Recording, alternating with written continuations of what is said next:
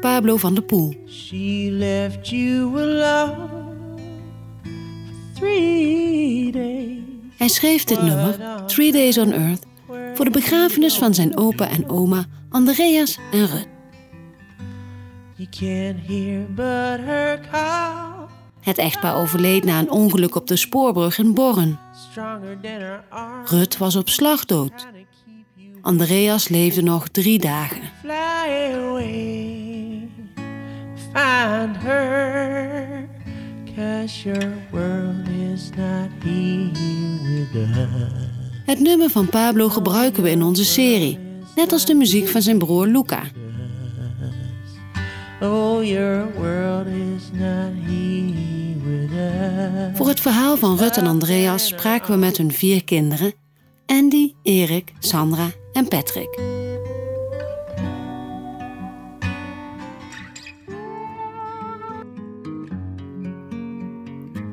Je luistert naar de podcast Project 46, een onderzoek van de Limburger naar de verkeersdood.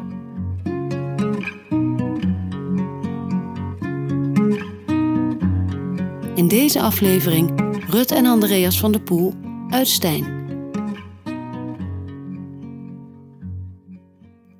Een auto is op een geparkeerde wagen in een straat in Stijn gebotst. De bestuurder is in geen velden of wegen te bekennen, maar Andreas van der Poel, 78, en zijn vrouw Rut, 81, zien dat ook hun auto schade heeft. Een dag later, op maandag 15 januari 2018, wil Andreas naar de garage in Borren om een vervangende auto op te halen. Het zit in zijn karakter. Niet uitstellen, maar meteen afhandelen wat nodig is. Rut gaat mee, ook al heeft ze twijfels over deze rit. Het regent, het wordt al donker. Zullen we dat nu wel doen? vraagt ze nog. Ze gaan toch. Die vervangende auto moet er komen. Maar Andreas heeft zich vergist. De auto is pas dinsdag beschikbaar, zeggen de monteurs. Kom morgen maar terug. Hij wordt er een beetje opstandig van en gaat met Rut onverricht ter zake naar huis. In alle commotie vergeet hij zijn autolichten aan te zetten, zien de monteurs. Op de spoorbrug aan de Aldenhofweg in Borren, niet ver van de garage, gaat het mis. Wat er om kwart voor zes precies gebeurt, is onduidelijk, maar de auto botst tegen de reling van de brug. Rut is op slag dood. Andreas breekt zijn ribben, krijgt een klaplong en scheurt zijn aorta. Hij leeft nog en wordt naar het ziekenhuis in Maastricht gebracht. Daar vertellen zijn kinderen hem dat Rut is overleden. Andreas, die sinds zijn 23e doof is, kan goed liplezen, maar hij begrijpt het niet meteen. hebben het ook verteld, maar we hebben het hem twee keer moeten vertellen. Want de eerste keer zo van, eh, is, van mam is dood. Ook gelukkig, want ik dacht dat ze dood was. Dus dat begreep hij in eerste instantie niet. Ja. En toen in tweede instantie, nee, mama is dood. Dan dringt het tot Andreas door. Dat heb ik gedaan, zegt hij. We zijn nooit meer compleet. Drie dagen later sterft hij aan zijn verwondingen.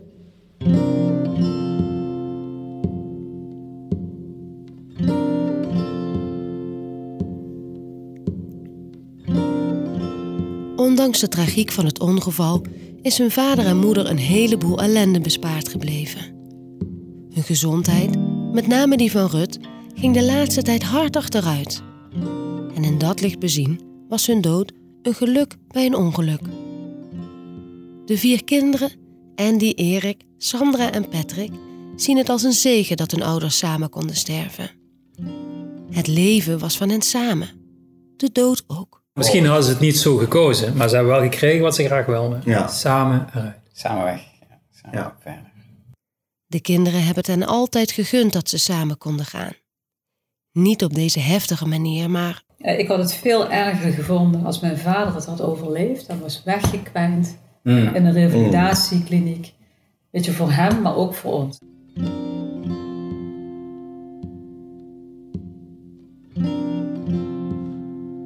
terwijl de kinderen in de dagen na het ongeval voor hun moeder de uitvaart regelen, waken ze daarnaast over Andreas, die op de intensive care ligt. Hoe gaat hij hier uitkomen? Gaat hij hier überhaupt uitkomen?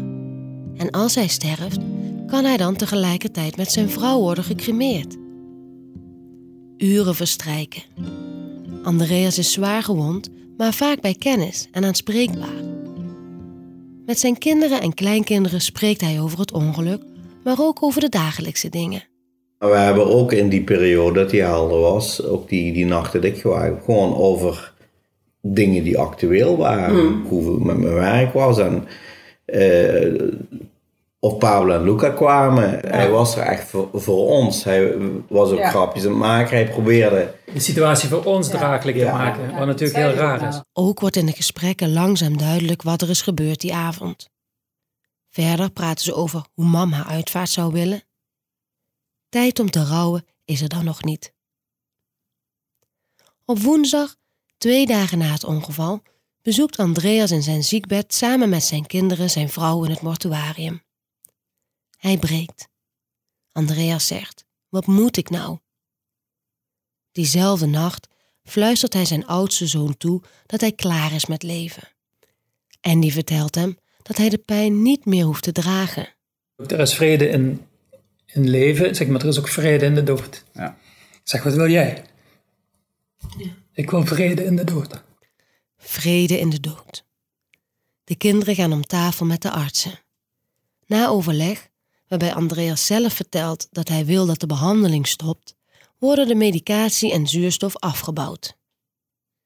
Op donderdagochtend, de dag dat hun moeder wordt opgebaard, nemen de kinderen afscheid van hun vader. Aan bed met z'n vieren, twee links van hem en twee rechts. Voordat hij sterft zeggen ze tegen hem: Het is goed, je mag gaan. Ja. Het was een opluchting voor hem. Andreas wordt diezelfde dag met Rut opgebaard, hand in hand.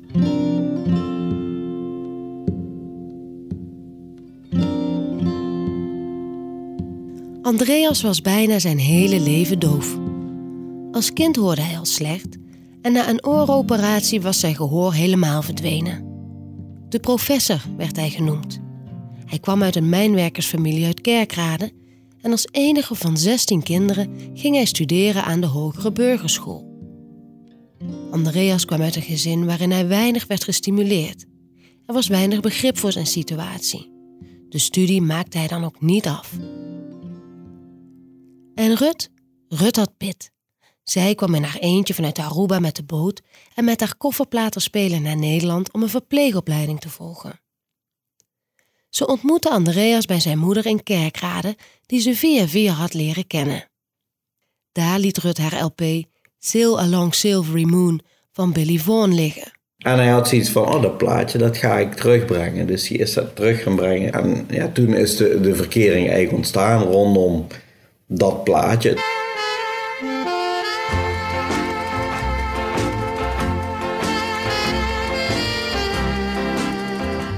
Andreas en Rut waren hun tijd ver vooruit. Hun samenkomst leek onwaarschijnlijk. Hij uit Kerkrade, zij uit Aruba, hij blank, zij getint. Toen ze verloofd waren en Andreas zijn gehoor volledig kwijtraakte, zeiden de mensen tegen haar: Wat moet je met zo'n dove? En daar trouw je toch niet mee? Maar Andreas en Rut waren eigenwijs. Rut zorgde als verpleegster voor het inkomen. Andreas was al jong afgekeurd vanwege migraine. Hij was huisman. Hij poetste. En die deed dat heel nauwgezet. Die deed de pleintjes, die deed alles. Af, tjak, tjak, tjak, tjak, tjak, tjak. En die had natuurlijk zo'n routine. En net zoals zoveel huisvrouwen hebben, een vast routine. Mijn moeder is een Arubaanse. En mijn moeder die heeft meer zoiets, ja weet je wat vandaag niet komt, dat komt morgen wel. Die tegenstelling zorgde soms voor spanning tussen de twee. Het was bovendien niet makkelijk als dove vader te zorgen voor opgroeiende kinderen. Hun stemmen heeft Andreas nooit gehoord. De stem van Rut heeft hij zich wel zijn hele leven lang herinnerd. De twee deelden lief en leed. En ze wilden koste wat kost bij elkaar blijven. Het was eigenlijk ondenkbaar dat hun levens zich zouden scheiden.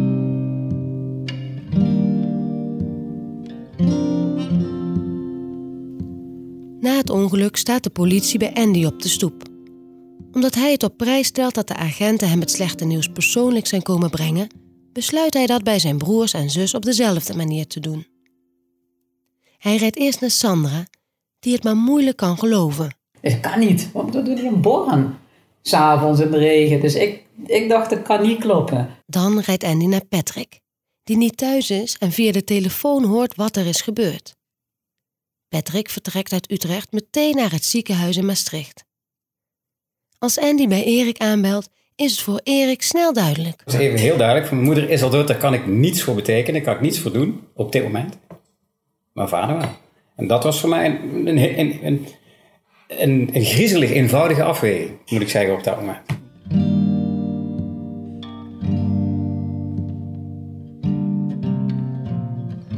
De kinderen gaan elk op hun eigen manier om met het verdriet. Na het ongeval trouwt Andy hals over kop. Hij wil iets positiefs zetten tegenover dit verdrietige nieuws. Maar het huwelijk is van korte duur. Sandra maakt vlaggetjes van de kleren van haar ouders. Levensslingers die ze thuis ophangt. Voor Erik is het leven niet wezenlijk veranderd, al is het gemis er wel. Een groot gemis, zegt hij. Patrick besluit zijn 50ste verjaardag op Aruba te vieren en de as van zijn ouders mee te nemen. Sandra, die de dood van haar moeder een plek probeert te geven, gaat met hem mee. Op Aruba zoeken ze een plek uit voor het uitstrooien, waarbij ook de familie van Rut, die nog geen kans heeft gehad afscheid te nemen, aanwezig kan zijn. Het is een eh, hele mooie, mystieke plek waar alleen maar heel hard de wind blazen, waar je over de ruige kust heen kijkt van eh, Aruba. En dan staat die hele kleurrijke kapel, die staat daar. En wij hadden meteen zoiets van, ja, dit, dit moet hem worden. Daar wordt de as uitgestrooid. De zus van Rut maakt van de lege urnen een gedenkteken en eromheen zaaien ze bloemzaadjes. Kleurrijk was ook de uitvaart van Andreas en Rut. Het was volgens de kinderen een viering van de liefde, geen rouwdienst. Iedereen die afscheid kwam nemen bracht een bloem mee. Andreas had op zijn ziekbed gezegd dat hij zich wel zou schikken aan mam. Hij had slechts één wens voor de uitvaart. Hij wilde één ding Oh ja, met zekerheid. stilte, hij wilde ja. één minuut stilte. Ja. En daar werden uiteindelijk twee van gemaakt. En Pablo speelde zijn nummer over zijn opa en oma. Voor één keer laten we het helemaal horen. Dank voor het luisteren. She left you alone What on earth were you gonna do? You can't hear, but her call is calling you. Stronger than her arms, trying to keep you here. Fly away find her. Cause your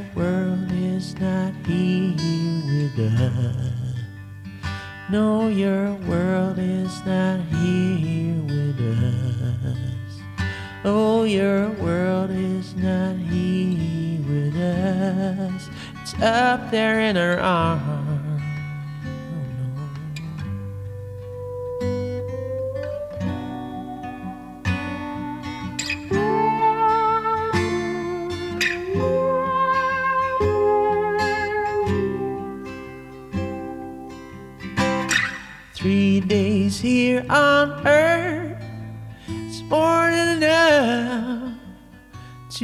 Know this is not what you want. Not without her. Go tell her, let the storm take you there. Let the storm take you there. Let the storm take you there. Up there in her arms.